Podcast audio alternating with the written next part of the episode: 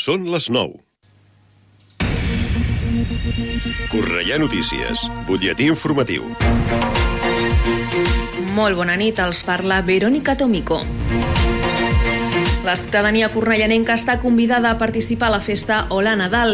Aquesta activitat donarà el tret de sortida a la celebració nadalenca amb la tradicional encesa de llums que tindrà lloc el divendres 1 de desembre a partir de dos quarts de set del vespre a la plaça Catalunya.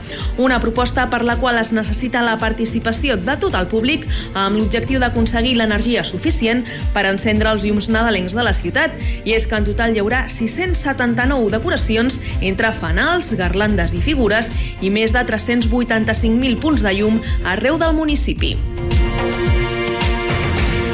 La Fira Infantil de Nadal celebra els seus 30 anys d'història tornant a la Fira de Cornellà.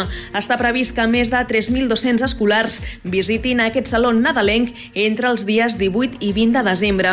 A partir del dia 21 i fins a cap d'any, obrirà per a totes les famílies amb una àmplia oferta lúdica i educativa. Els dies 25 i 26 de desembre, però, romandrà tancada. La novetat més important d'aquesta edició és que el Saló torna a la Fira de Cornellà després de dos anys fent-se al Parc Esportiu Llobregat. Aquesta fira està adreçada a nens i nenes d'entre 3 i 12 anys. La Factoria del Foc de Cornellà organitza diumenge una festa per celebrar el Nadal. La cita començarà a les 11 del matí a la plaça Pallars, una activitat on les famílies poden gaudir de tallers de manualitats, una batucada a càrrec de la colla Martinet, serveis de pintacares i l'actuació del mecanigma, entre d'altres. I Comissions Obreres del Baix Llobregat celebra un acte central sobre el 25N aquest divendres a partir de les 10 a la seu comarcal aquí a Cornellà. Serà una assemblea amb diverses intervencions, la projecció de vídeos reivindicatius i la presentació d'experiències sindicals. Comptarà amb la consellera de Dona, Gent Gran i LGTBI del Consell Comarcal, Vicky Castellanos, i amb la tinenta d'alcalde de Polítiques Socials, Igualtat i Salut de l'Ajuntament de Cornellà, Joana Piñero. Fins aquí aquest butlletí informatiu. Poden seguir informats de l'actualitat de la nostra ciutat al Cornellà Notícies de la una del migdia, als butlletins horaris i a l'app i la web de Ràdio Cornellà. També trobaran les darreres actualitzacions i notícies al radiocornellà.cat i a les xarxes socials de la ràdio, Twitter, Facebook i Instagram. Ara el temps. Connectem amb l'Agència Estatal de Meteorologia.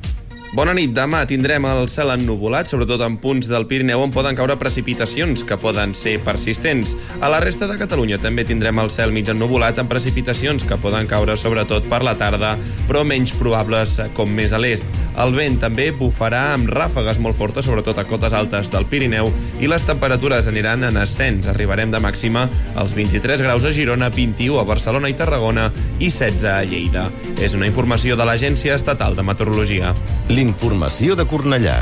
Més a prop, impossible. Ràdio Cornellà, 104.6 FM.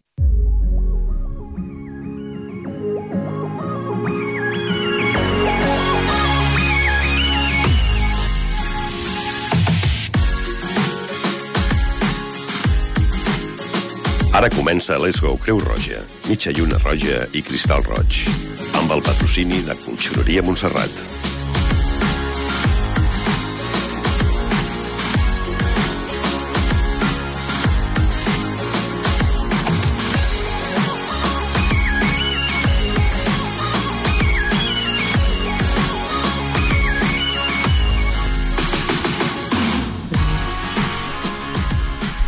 ...29 de noviembre de 2023... ...y así vamos miércoles tras miércoles... ...insistiendo en que llega siempre la hora de Cruz Roja... ...y aquí empieza...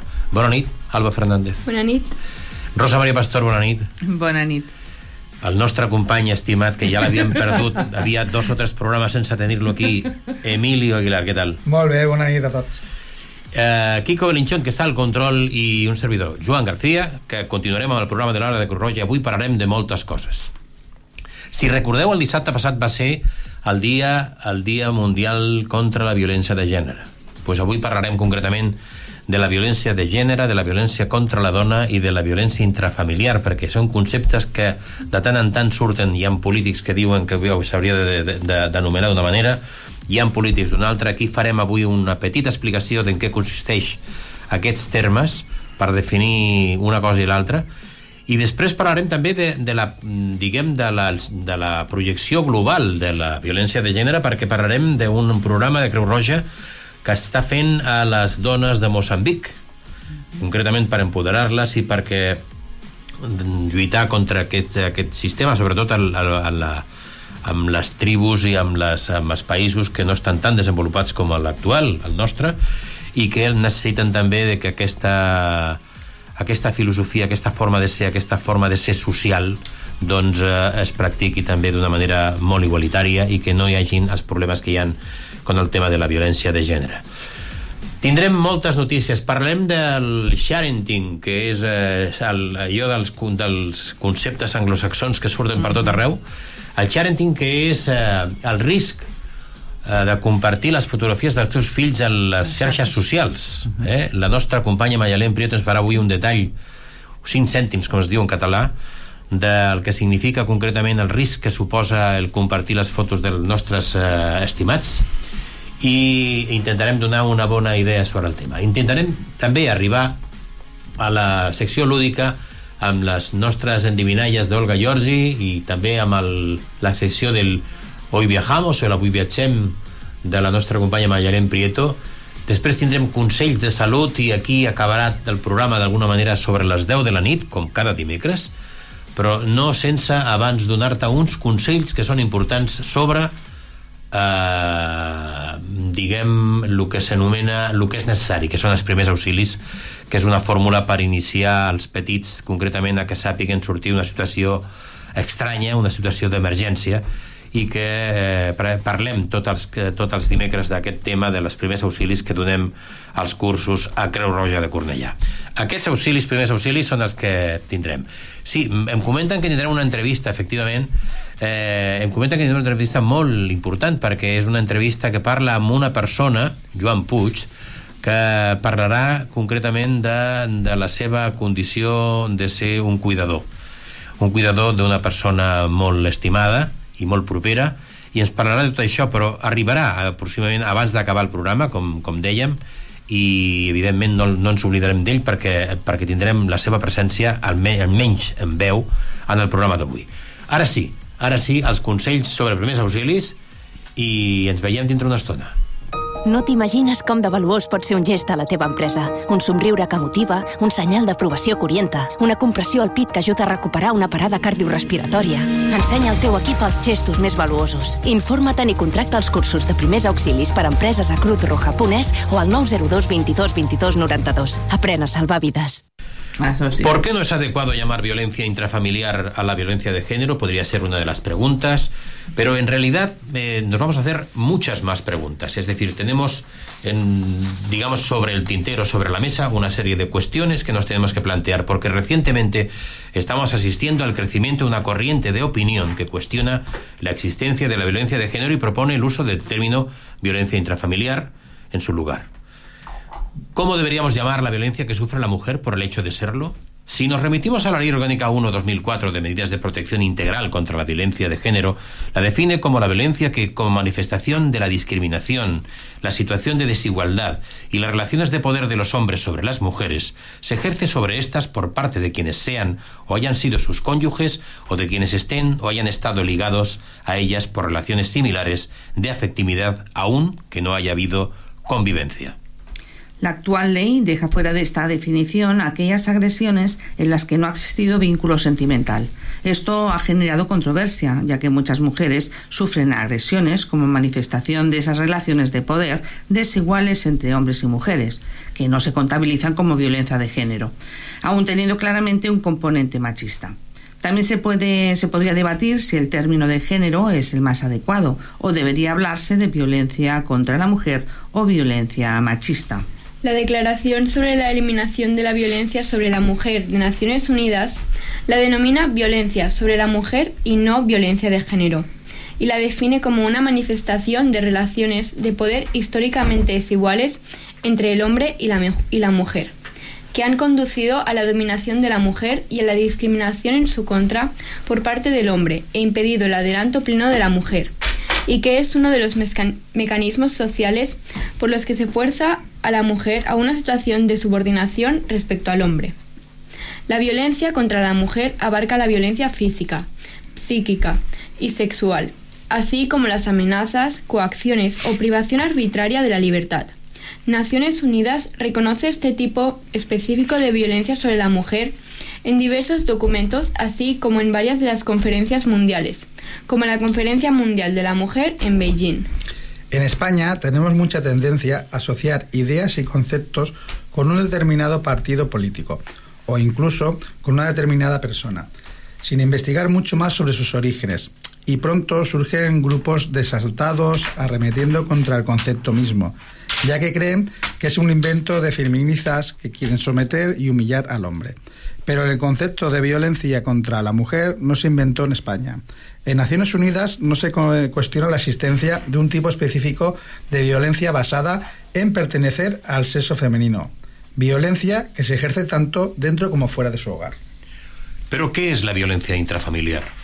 La violencia intrafamiliar sería la violencia ejercida en el terreno de la convivencia familiar por parte de uno de los miembros de la unidad familiar contra otro, contra algunos de los demás o contra todos ellos. La violencia intrafamiliar, por tanto, abarca cualquier manifestación de violencia dentro del ámbito familiar, de padres a hijos, de hijos a padres, entre hermanos, hacia una persona mayor, entre otros casos. No afecta a un grupo de población de forma más concreta o específica, sino que es la que se produce entre miembros de la misma familia. Es un término, por tanto, más genérico. Recientemente hemos escuchado a portavoces de partidos políticos y a muchos de sus seguidores clamar que la violencia de género no existe, con eslóganes como la violencia no tiene género. Sin embargo, los datos muestran una realidad diferente. El número de mujeres asesinadas a manos de sus parejas o exparejas es muy superior al de los varones. En el momento de la redacción de este artículo ya alcanza la cifra de 52 mujeres asesinadas en el 2023, con 51 huérfanos menores de 18 años.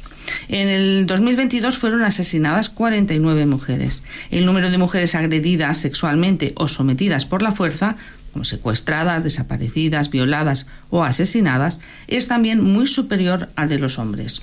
Un total de 4.868 varones se encuentran en prisión por violencia de género y condenados sin pena de prisión hay 36.161 hombres. Se trata de la tercera tipología delictiva con más presos condenados, después de los delitos contra la propiedad y contra la salud pública, según fuentes de instituciones penitenciarias. Nos encontramos con una serie de elementos muy concretos en este tipo de violencia, que la hacen diferente de otros tipos de violencia.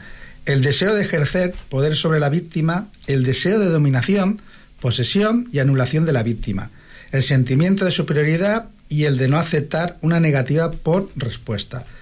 Asesinar a una mujer por, su, por considerarla de su propiedad es mía y si no es mía no será de ningún otro.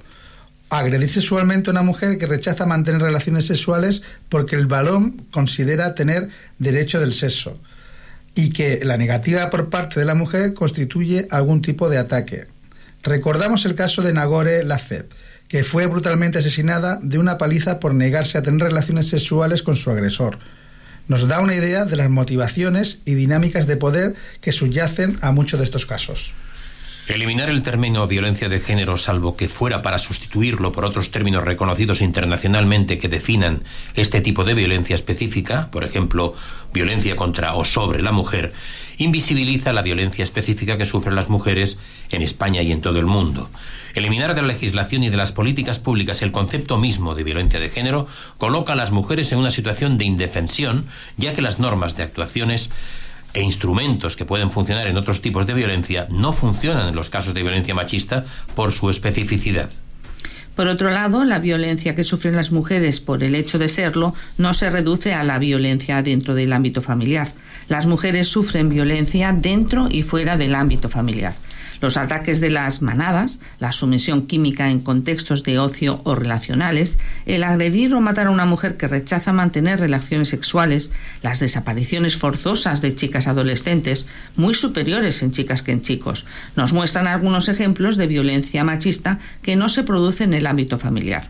Por lo que no solo debería mantenerse el concepto de violencia de género, u otros afines, sino que debería ampliarse a situaciones en que la agresión no la comete la pareja o expareja. Por ello nos hemos de preguntar, ¿está cambiando la opinión pública?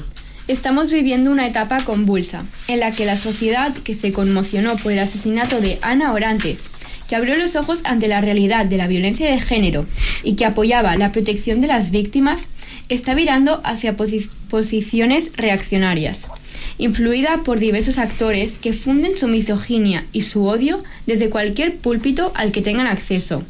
Mítines políticos, redes sociales y ahora también ayuntamientos, comunidades autónomas y otras instituciones públicas. Se han creado numerosos grupos de opinión en foros y redes sociales en los que los hombres que se sienten amenazados su em, hegemonía difunden su odio ante todo lo que suena a igualdad o protección a las víctimas de violencia de género.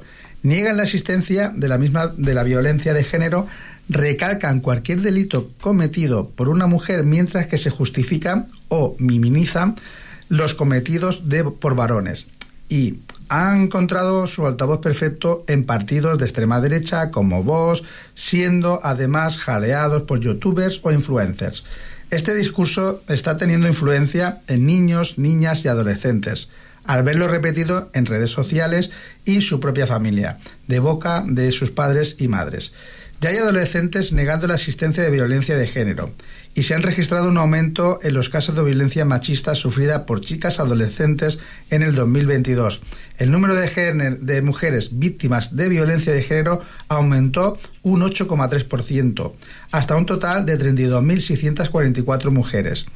Este dato es obtenido por la INE, incluyendo, incluye no solo, solamente las que han sido asesinadas, sino todas las víctimas de violencia de género reconocidas. Realmente queda mucho trabajo por hacer. Desde una perspectiva basada en la igualdad entre mujeres y hombres, queda mucho trabajo por hacer. Es imprescindible transmitir las ventajas de una sociedad en que hombres y mujeres tengamos los mismos derechos, contrarrestar los discursos de odio basados en bulos y en mensajes irracionales, mejorar la sensibilización sobre la violencia específica que sufren las mujeres, aportar datos y cifras reales y rigurosos y darles la difusión adecuada. La violencia machista es una realidad que no va a desaparecer a corto plazo. Estamos viviendo una etapa de repunte de la misma, como demuestran los datos de la INE en el 2022, con un aumento del 8,3% de mujeres víctimas y lo estamos viendo en el 2023, con meses en los que se producen varios asesinatos, como sucedió en mayo del 2023. Tanto los poderes públicos como los profesionales de lo social debemos hacer públicos los datos reales, desmontar los bulos, condenar firmemente la violencia que sufren las mujeres y exigir que se mantengan los servicios y recursos de atención a las víctimas, que tras los últimos resultados electorales corren peligro de ser suprimidos en algunas comunidades autónomas, en las que ya se empieza a invisibilizar la violencia contra la mujer bajo términos como violencia intrafamiliar con un objetivo impedir que la sociedad reconozca que hay un colectivo que por el hecho de ser mujer está en situación de vulnerabilidad y hay que protegerla hasta que la sociedad destierre definitivamente el machismo y critique firmemente sus manifestaciones. Aún no lo sabes, pero cada mañana hay personas que se levantan y necesitan sentir que tienen a alguien a su lado. Niños y niñas, jóvenes, mayores, inmigrantes, personas sin hogar con tu esfuerzo, puedes contribuir a que todas ellas recuperen la sonrisa. El voluntariado es un boomerang de vida y vuelta. No lo dudes. Únete a Cruz Roja. Lánzate. Más información en cruzroja.es. Campaña financiada por el Ministerio de Sanidad, Servicios Sociales e Igualdad por solidaridad otros fines de interés social. Entendre la violència de gènere com una realitat mundial, apropar la problemàtica a futurs professionals vinculats a l'àmbit social i connectar amb experiències alienes és part del missatge que es va llançar el 8 de novembre passat a la trobada Violència de gènere, un panorama global. La conferència Violència de gènere, un panorama global, va tenir lloc a la província de Barcelona i s'emmarca en un projecte de cooperació internacional sobre violència de gènere que es diu a termes des de la Creu Roja a Catalunya, a Inam, Inambane, una regió rural del nord de Moçambic. La idea de la jornada va ser crear un espai d'intercanvi d'experiències i bones pràctiques en què van participar tant persones expertes en la matèria com alumnes de formació professional vinculats a l'àmbit social. La trobada va comptar amb la presència de dones expertes en violència de gènere, com Ewa Wildak, presidenta d'ONU Dones d'Espanya, Clara Serra, filòsofa i investigadora de la Universitat de Barcelona, Lola Hierro, escriptora i periodista del País, i Bàrbara Díaz, directora de l'àmbit d'inclusió social de la Creu Roja a Catalunya, entre d'altres. A través de les intervencions es va poder comprendre la realitat de la violència de gènere des d'una visió estructural, acadèmica i comunicativa, com una altra manera de conèixer la problemàtica des de l'arrel cap en fora.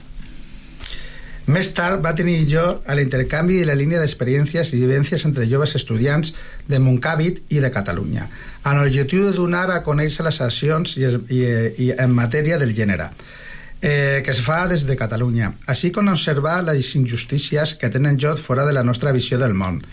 Molts centres formatius que van assistir a la conferència han comunicat treballar en la matèria i en els alumnes han estat capaços d'obrir-se i reconèixer situacions de violència a desigualtat que abans desconeixen. En definitiva, la trobada amb el suport de l'Agència Catalana de Cooperació al Desenvolupament i la Creu Roja va esdevenir una jornada de reflexió plena de coneixement, matisos, experiències i vivències que van aconseguir abordar aquesta sacra social des d'una mirada àmplia i global. Des del projecte de cooperació internacional que desenvolupa la Creu Roja a Catalunya, a Moçambic, i on s'emmarca la conferència, es pretén afavorir la igualtat de gènere per mitjà de tres pilars. L'empoderament socioeconòmic de la dona a Moçambic a través d'activitats formatives, la sensibilització sensibilització i la conscienciació de la comunitat, així com dels i dels estudiants de Moçambic com una forma que coneguin quins drets tenen les dones i quines accions estan considerades com a violència. I, finalment, reforçar els serveis d'atenció integral enfortint els coneixements de les institucions públiques que formin part del mecanisme d'atenció a les dones víctimes de violència de gènere.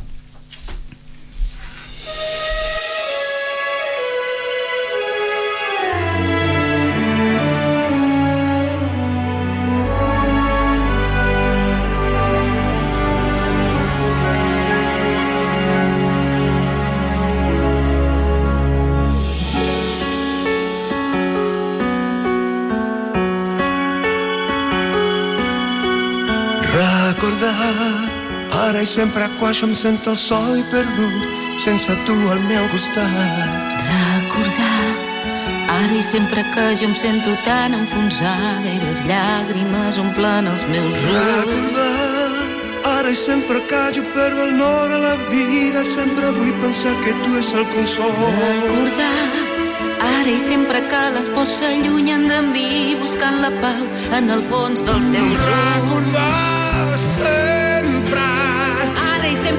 Williams in here.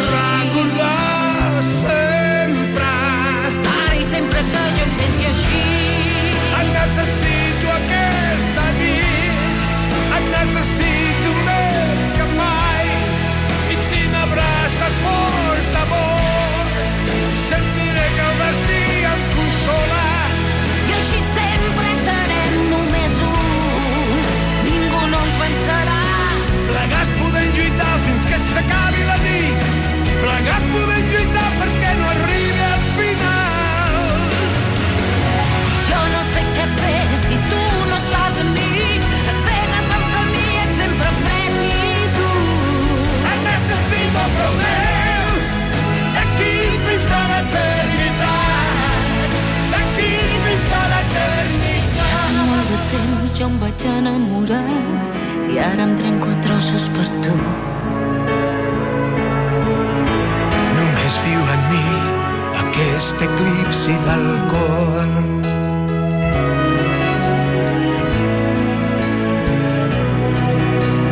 Ja fa molt de temps una llum als teus ulls que ara s'ha apagat era pau. Viu en mi aquest eclipsi del cor.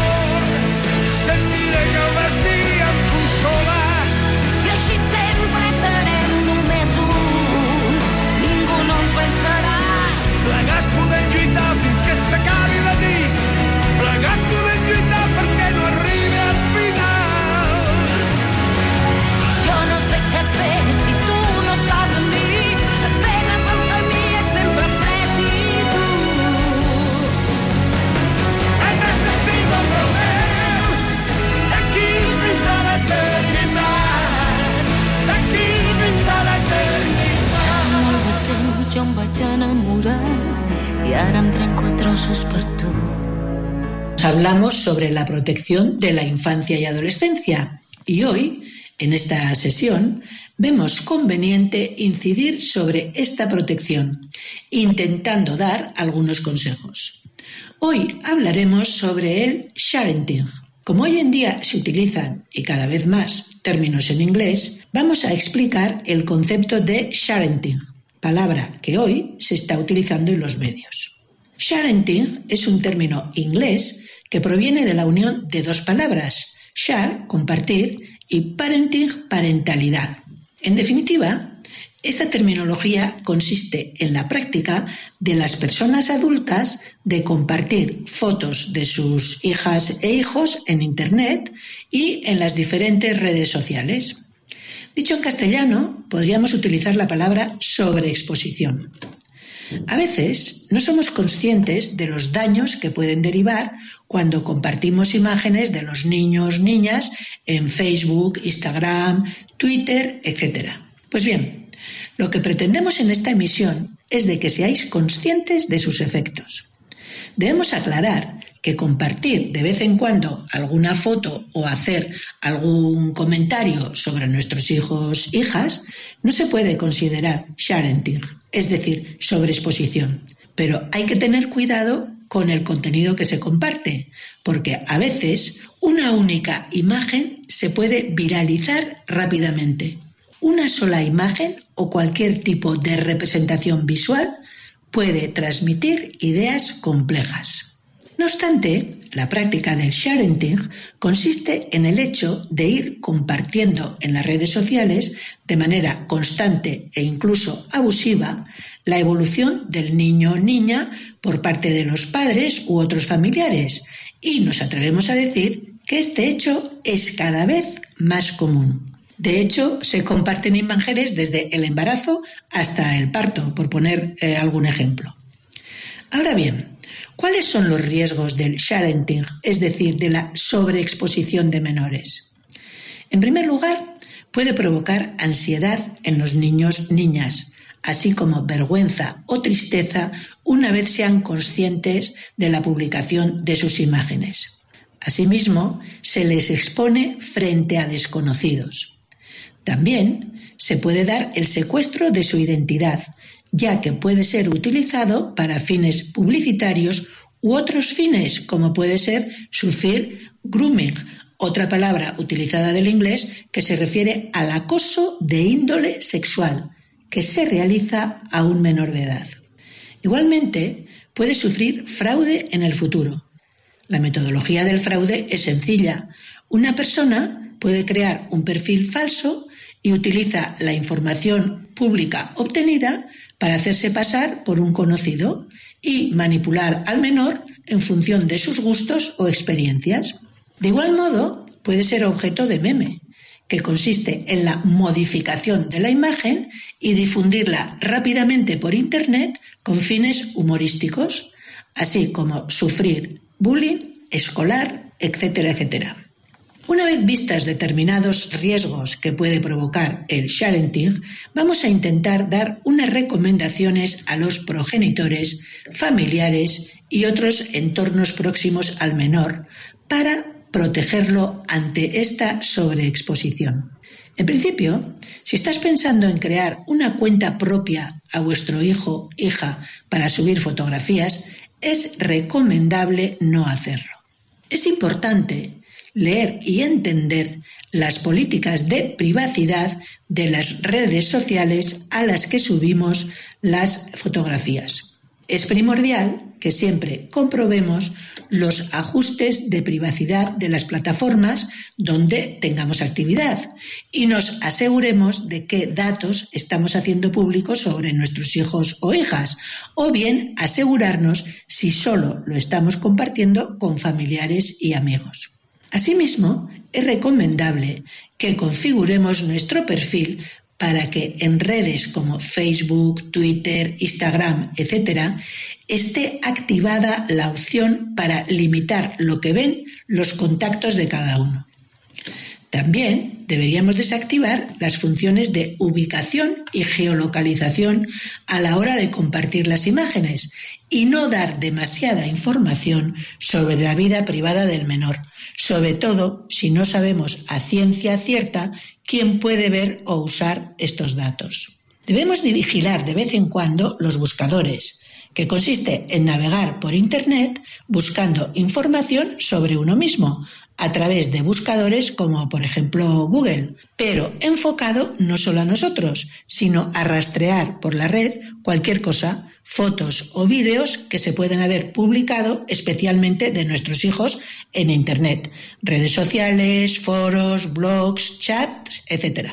Para proteger la identidad del menor y mantener su privacidad, aunque estemos subiendo una fotografía familiar a las redes sociales, la opción es tratar de que a los menores no se les vea la cara o procurar que salgan de espaldas o bien pixelar la cara de nuestros hijos para proteger su privacidad, sobre todo si son menores. Siempre se debe pensar en el futuro del menor. Hay que tener en cuenta cómo pueden sentirse los hijos o hijas al ver una imagen suya en Internet puede ser que no les guste y por lo tanto les podría producir, como ya hemos comentado, vergüenza, tristeza e incluso dañar su autoestima. Hay que tener cuidado con lo que se comparte. Si enviamos imágenes o vídeos a través de mensajería instantánea, como por ejemplo WhatsApps, tenemos que asegurarnos de que las personas a las que enviamos dicho contenido son de confianza y no lo compartirán sin nuestro permiso. Siempre la comunicación es importante y por eso, si los hijos hijas son conscientes de que su imagen se comparte en las redes sociales, es necesario y conveniente pedirles permiso para que nos den su opinión de qué es lo que no quieren que subamos a redes sociales y así poder censurar las imágenes que no quieran que se compartan. O también puede ser que no quieran subir ninguna imagen suya y por lo tanto hay que respetar su intimidad y su libertad. Todos tenemos la obligación de cuidar la imagen e intimidad de las personas y no el derecho de hacer uso arbitrario de ellas. Las personas menores de edad tienen derechos que deben ser protegidos de forma especial. Y como siempre decimos, en pro de los derechos humanos. Aún no lo sabes, pero cada mañana hay personas que se levantan y necesitan sentir que tienen a alguien a su lado. Niños y niñas, jóvenes, mayores, inmigrantes, personas sin hogar. Con tu esfuerzo puedes contribuir a que todas ellas recuperen la sonrisa. El voluntariado es un boomerang de vida y vuelta. No lo dudes. Únete a Cruz Roja. Lánzate. Más información en cruzroja.es. Campaña financiada por el Ministerio de Sanidad, Servicios Sociales e Igualdad por solidaridad otros fines de interés social.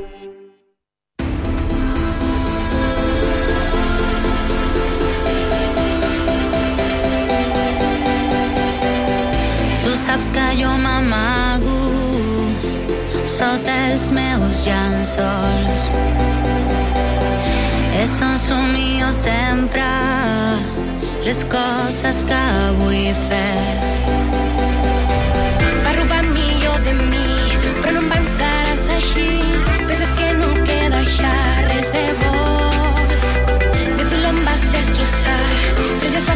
De tu tu. No coneixes. O el que no et mata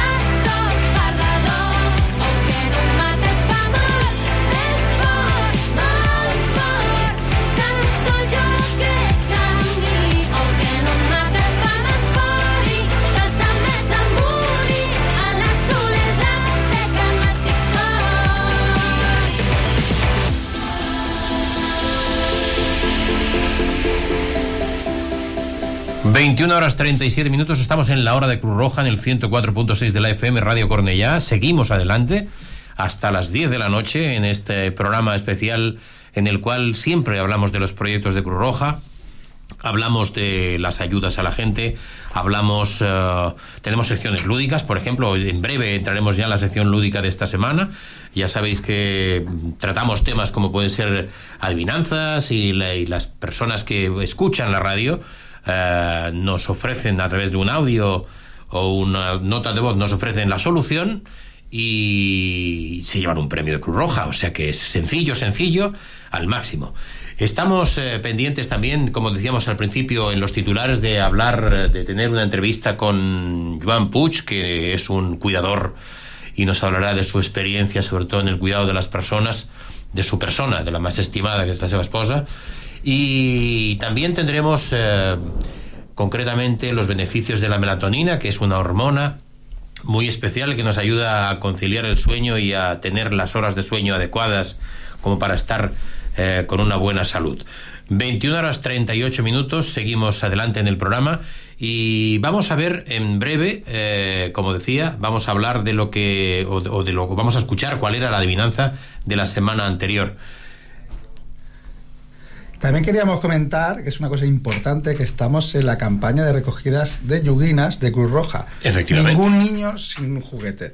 Así que tenemos muchos puntos distribuidos por, por Cornellá y por toda la geografía catalana, donde podéis ir a entregar juguetes, sobre todo nuevos, porque mm, la ilusión es que el juguete sea nuevo para los críos. Y que no sean sexistas y que no, sean sean sexistas, correcto, correcto. Y bélicos, muy bien. Bueno, pues ya sabemos que estamos en la campaña de las yuguinas, en la campaña de los juguetes, como cada año.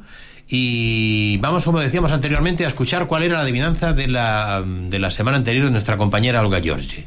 Todos me pisan a mí, pero yo no piso a nadie. Todos preguntan por mí, pero yo no pregunto por nadie.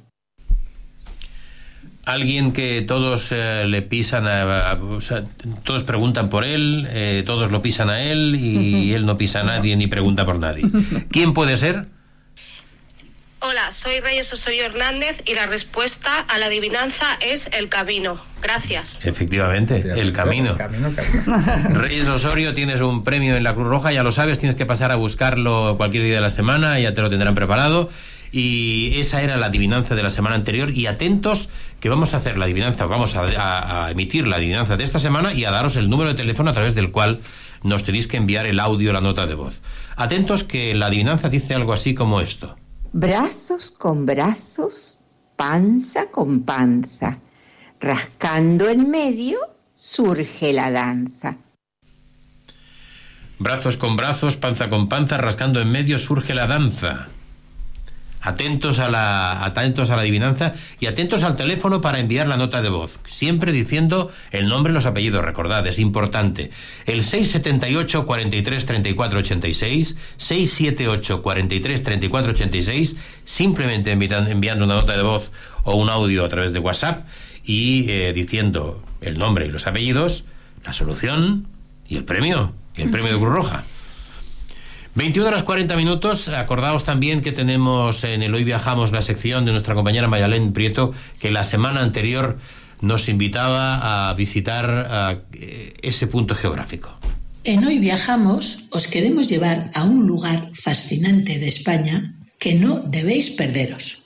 Esta ciudad se caracteriza por su gran muralla, una construcción medieval hecha con ladrillo, granito y escombros de antiguos edificios romanos. Se construyó para proteger la ciudad de los invasores y hoy en día es un vestigio militar de la ciudad y del país. La muralla tiene una extensión de 2,5 kilómetros y pese a no ser la única muralla de Europa, se puede decir que es la mejor conservada hasta el momento. Y es que, pese a tener más de mil años de antigüedad, está intacta. Gracias a su valor histórico y cultural, fue nombrada Patrimonio de la Humanidad por la UNESCO en el año 1985. Os doy más pistas. En esta ciudad fue bautizada una conocida santa y también en ella comenzó su vida monástica y vivió durante 27 años. ¿De qué ciudad se trata? ¿En qué comunidad autónoma se encuentra? ¿A qué santa nos referimos? 21 42 minutos. No sé si hemos tenido un pequeño lapsus o no. Vamos a ver si lo aclaramos con el control. Eh, estamos hablando de la ciudad amurallada, que es la adivinanza del hoy viajamos de la semana anterior, y que tiene esta respuesta. Hola, soy Reyes Osorio Hernández y la respuesta a la adivinanza es Ávila. Gracias. Mira, Reyes también tuvo la suerte de acertar y de estar atenta. Yo creo que ha hecho, decir- ha hecho doblete, ¿eh? ha hecho las dos. Bueno, ¿Vas eso ocurre. otra? Eso ocurre. Está bien, está bien. Eso ocurre. Bueno, acabamos de decir, eh, si os acordáis, aquella que de, Sí. del panza con panza, etcétera, etcétera, si ya saben cuál es la solución y llaman rápidamente, Claro. van a saber también el punto geográfico que nos invita a conocer Mayalén Prieto eh, para la semana que viene, que dice algo así como esto. Venga, va. En Hoy Viajamos, hoy os lo voy a poner súper fácil. No nos movemos de Cornellá para ver si os animáis a llamar y dar la respuesta acertada. Se nos van a acumular los premios. Se trata de un territorio histórico de primer orden. Se inauguró el 21 de mayo de 1819. El objetivo de su construcción era convertir la agricultura pobre del Valle Bajo de Secano en una agricultura de regadío. Esta construcción también permitió introducir el maquinismo en la comarca. Asimismo, tuvo efectos urbanísticos al dividir Cornellá en el de arriba y en el de abajo. También cambió los usos de vida. Su recorrido en tiempos de nuestros abuelos era itinerario para carreras populares. Bueno, ya no puedo dar más pistas porque solo me queda dar el nombre. Si llamáis con el resultado, podéis hacer más comentarios de interés sobre esta construcción histórica y de renombre. Una construcción histórica de renombre que servía incluso para mm, trazar recorridos de pruebas eh, deportivas, eh, está en Cornellá, eh, posiblemente mm, tiene agua, en fin, que, estamos muy faltos de agua últimamente. Es decir, esa ha sido una pista añadida, una pista añadida para que a través del teléfono que os voy a dar nos deis la solución y os llevéis el premio de la semana que viene de Hoy Viajamos. El teléfono es el 678 43 34 86, 678 43 34 86, nota de voz o audio, que es lo mismo, a través de WhatsApp, y con la respuesta y os lleváis el premio de Cruz Roja. 21 horas 45 minutos y nos vamos con la música.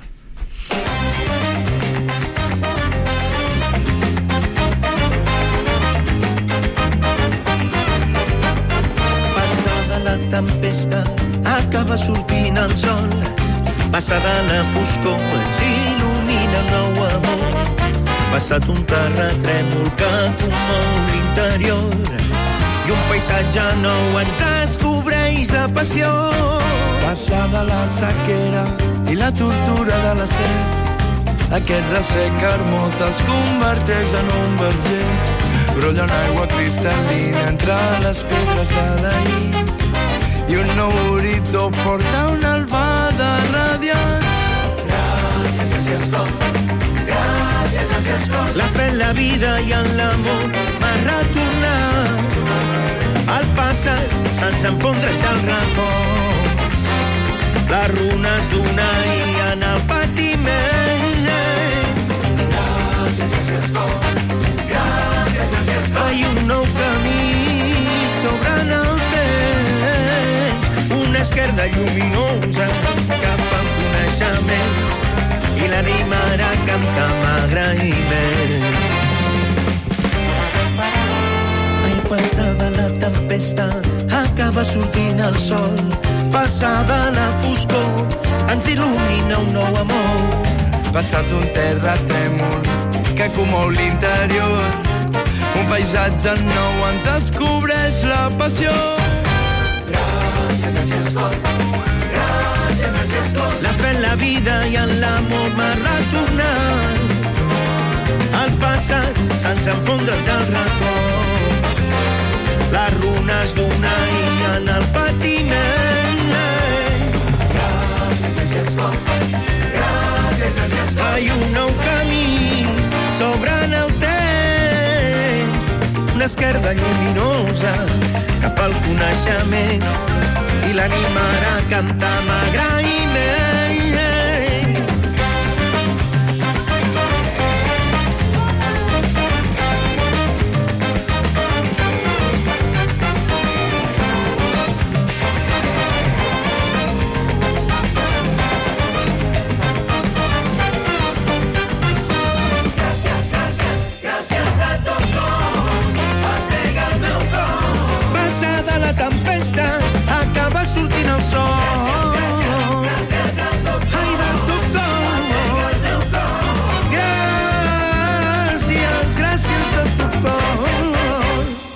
Gràcies, cor.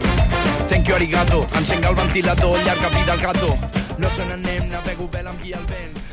21 horas 48 minutos tenemos eh, la entrevista que hablábamos de los cuidadores no profesionales. Al otro lado de la línea, Joan Puig, creo recordar. Adelante, Rosa. Hola, bona nit, Joan. Hola, bona nit, Rosa. Benvingut a l'Hora de Creu Roja. Igualment, per poder parlar amb vosaltres. Encantat. A veure, eh, bé, explica'ns. Tu et vas convertir en cuidador no professional de la teva parella fa aproximadament un any. Situació en la que suposo no havies pensat trobar-te mai.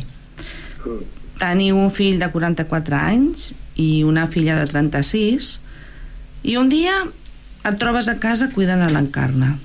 Explica'ns, què va succeir? Quina és la teva història?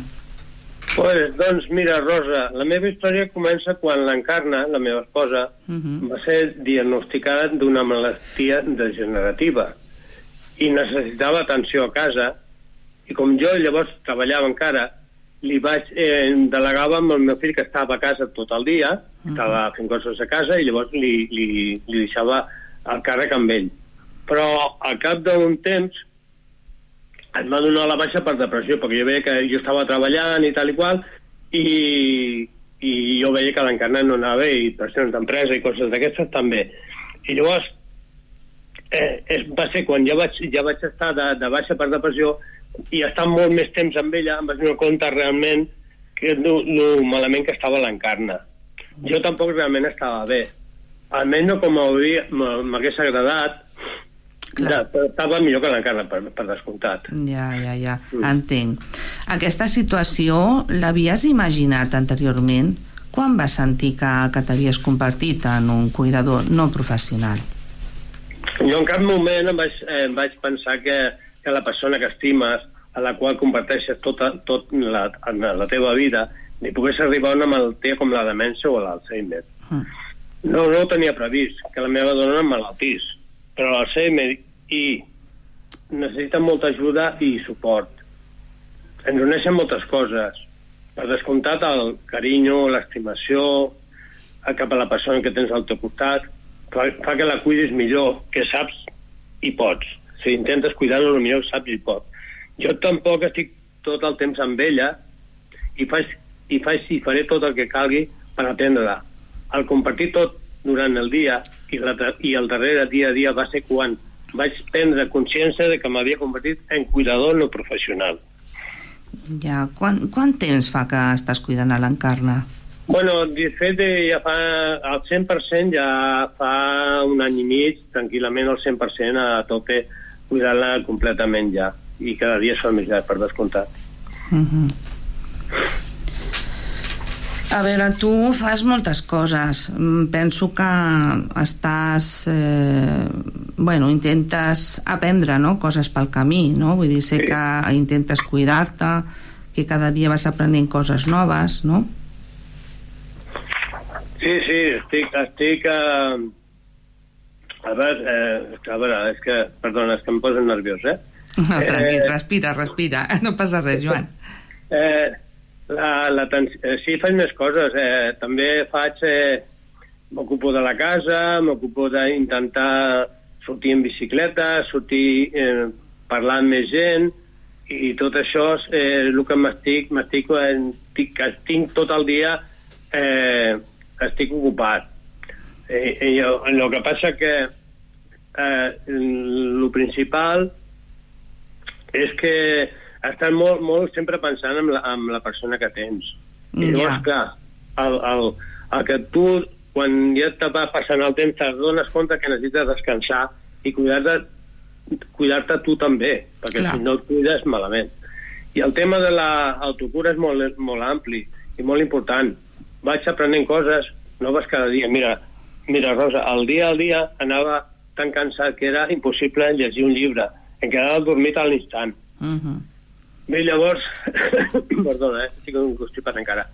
Bé, bé quan... Va, va ser llavors quan vaig demanar ajut d'una cuidadora professional perquè em deixés descansar quan jo venia de treballar Uh -huh. dos o tres cops per setmana, o a vegades el dissabte al matí també, perquè, perquè jo pogués descansar una mica i, i encara estigués amb algú. I així, I així ho vaig fer. El primer dia vaig tindre un descans, vaig, em vaig donar compte de lo important que era carregar piles. De, mm. Perquè després de tornar, de, la, de, de, de tornar a entendre, a atendre l'encarna dues hores per prendre un cafè, per descansar, per llegir, per anar en bicicleta, per passejar, o sortir amb els amics, Sí. és molt important. Va ser, va ser eh, recuperar una part de la meva vida. Clar. I necessari per, per també recuperar la meva salut. Prendre consciència i aconseguir de fer els canvis va ser gràcies a la meva doctora de capçalera i a la, i a la meva psicòloga que tenia eh, aquí, aquí a Sant Boi. Uh -huh. I, i per cert que estic molt agraït amb elles dues, eh? Clar, no, no, està claríssim que, que es requereix de molta ajuda. Eh, Joan, eh, quin ha sigut el teu repte o l'obstacle més gran, l'obstacle més gran de la teva experiència com a cuidador no professional? És, és arribar a entendre i comprendre els canvis de la persona que estàs cuidant. Mm. Veus i sents el seu cos, però la seva ment no hi és. Està absent. La malaltia es va greujant. El cuidador té que prendre moltes decisions, l'assumir els grans canvis. Veure la pèrdua de les capacitats és molt dur, realment és molt dur. Costa molt acceptar-ho.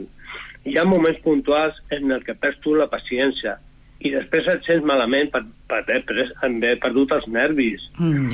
Ta- També hi ha moments que un no està per escoltar. Ai, pobreta, que malament està, o per part dels fills, quan et diuen que no et dones compte que la mare no està bé, o quan coneguts pel carrer pregunten amb presses per quedar bé, simplement és per quedar bé. Necessiten més empatia, perquè eh, no s'aturen a parlar. No, no està i, i agafen i se'n van al moment. El- L'aprenentatge és molt, no continu. Ara estic aprenent a delegar més amb els fills i també tinc el suport del centre de dia, que la porto en un centre de dia que em va perfecte perquè me l'estan cuidant molt, molt bé, realment, Uh -huh. i, i bueno, Perfecte. Explica'ns, a veure, eh, com ha canviat la relació amb la persona que, que cuides? Pues mira, la relació ha canviat, mirant-ho des del punt de vista de, de, de meva, és que ara no sóc la seva parella, i, i ell per ell tampoc sóc la seva parella, sóc el seu cuidador. Mhm. ja, no hi ha, ja no hi ha aquella relació de parella. Eh, està en una fase que no hi ha diàleg.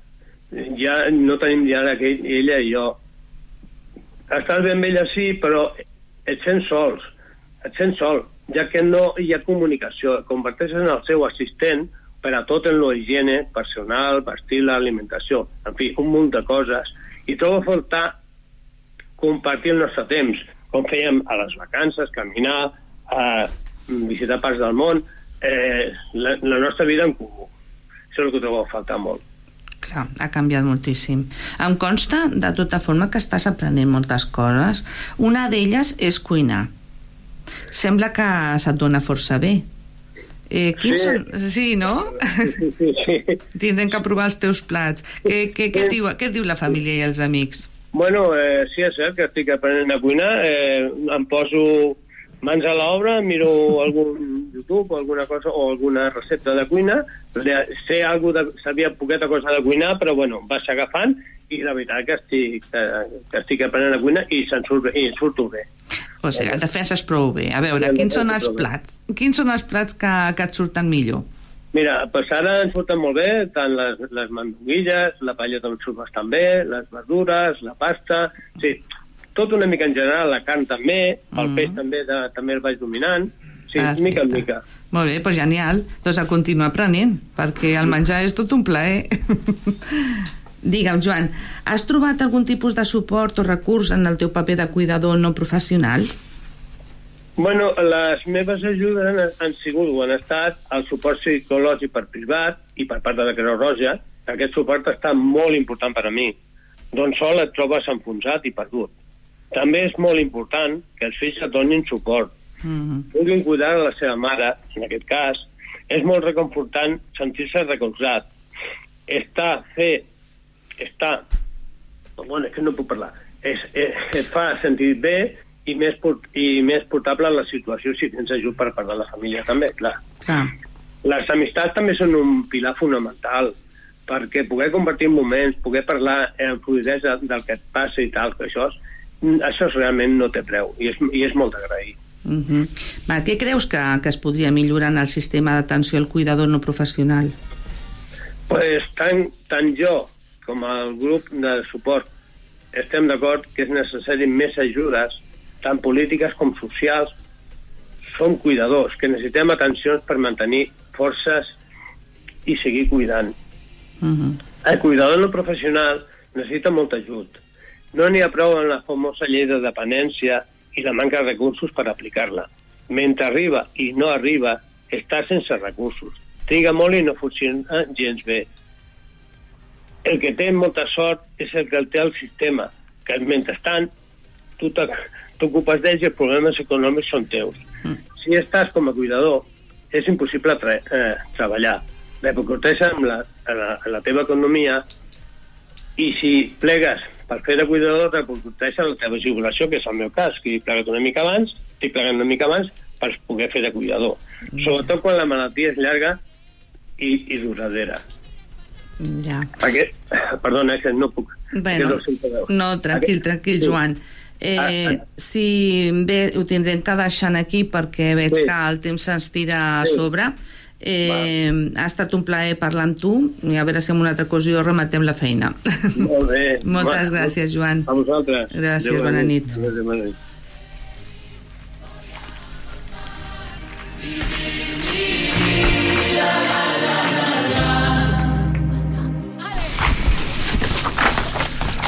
Hem arribat al punt final, estem pràcticament a segons d'arribar a les 10 de la nit, no ha donat més temps. Eh, moltes gràcies, Joan Puig. Estarem aquí la setmana que ve, no perquè és festa, és festiu, el dia 6 de desembre. Sí. Serà el següent i ens tornem a veure i ens tornem, com a mínim, a escoltar-nos a través de la ràdio. Bona nit, moltes gràcies. Bona nit. Bona, Bona nit, Rosa Maria Pastor. Bona nit. Emilio Aguilar, Quico Belinchón. Bona nit a tots. Una abraçada molt forta. Fins la setmana que ve, no, l'altra. 104.6 Alba en Mar.